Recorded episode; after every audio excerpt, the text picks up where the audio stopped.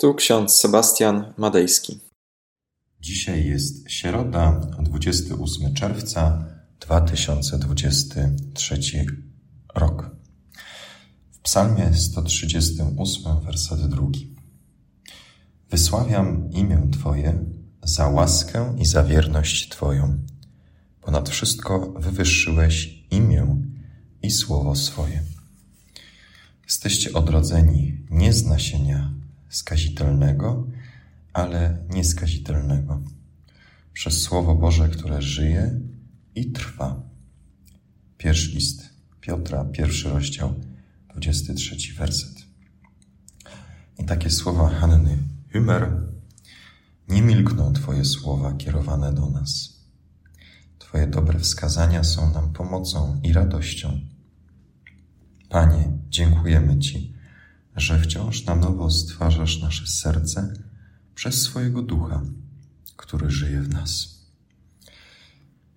Drodzy, dzisiejszym tematem zarówno psalmu 138, jak i pierwszego listu Piotra jest przede wszystkim odrodzenie i dziękczynienie. Odrodzeni jesteśmy przez chrzest święty i przez w zasadzie Słowo Boże, które działa w tym chrzcie. Może tego nie jesteśmy w stanie e, często zauważyć, ale chrzest święty, e, który jest e, w takim wieku, kiedy dzieci są nieświadome, powoduje, że dziecko, człowiek, nowy człowiek jest odrodzony na przyszłość, zawczasu. To odrodzenie zawczasu realizuje się w tym, że to Bóg podjął decyzję na temat tego dziecka, że ono będzie wychowywane w tej czy innej tradycji, w tej, a nie innej rodzinie. Więc tak naprawdę dziecko jest e, zapieczętowane, e, odrodzone przez nieskazitelne Słowo Boże, które połączone wraz z wodą, wraz z znakiem, e, jakim jest woda, jest włączone do Bożej rodziny. Wierność e, Boga polega na tym, że to On nas wybrał, a nie myśmy Go wybrali. Czyli ta Boża inicjatywa zawsze wyprzedza człowieka. Wywyższa Bóg przez to swoje imię, że włącza nas do swojej rodziny, nawet wtedy, kiedy jesteśmy tego nieświadomi, kiedy tego nie zauważamy, kiedy jesteśmy jeszcze, byśmy powiedzieli, dzieckiem, nieświadomym dzieckiem.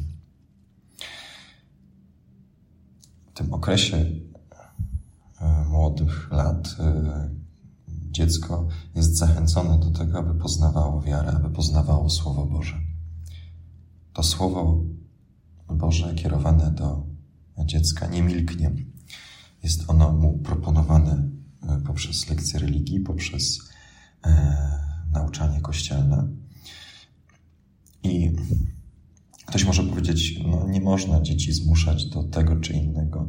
Ono później podejmie decyzję, czy chce e, wierzyć w wyznanie ewangelickie czy katolickie. Ale prawda jest taka, że pytanie jest następujące. Czy może potem dziecko wybrać między tym czy innym wyznaniem, jeśli nie jest świadome podstaw wiary, wiary, do której jest zaproszone. Jest często taki argument, no ale można tą wiarę przekazać w przeciągu jakiegoś kursu, jednego, dwóch lat e, i potem podejmie taką decyzję dziecko.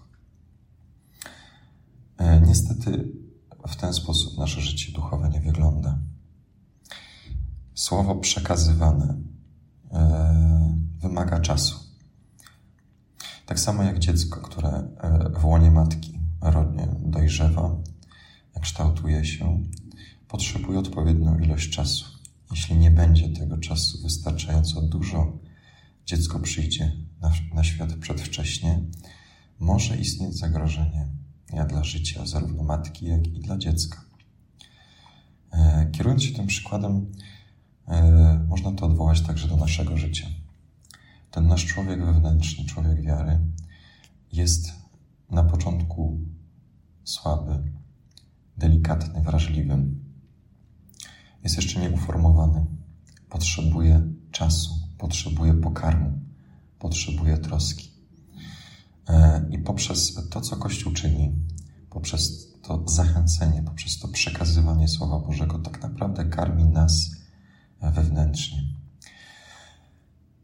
W odpowiednim czasie taki ukształtowany człowiek e, podejmuje decyzję, czy chce przyznać otwarcie, publicznie do tej wiary w akcie konfirmacji, czy też nie chce dalej kontynuować tej drogi w kościele e, i po prostu odchodzi z tego kościoła ze względu na swoją decyzję.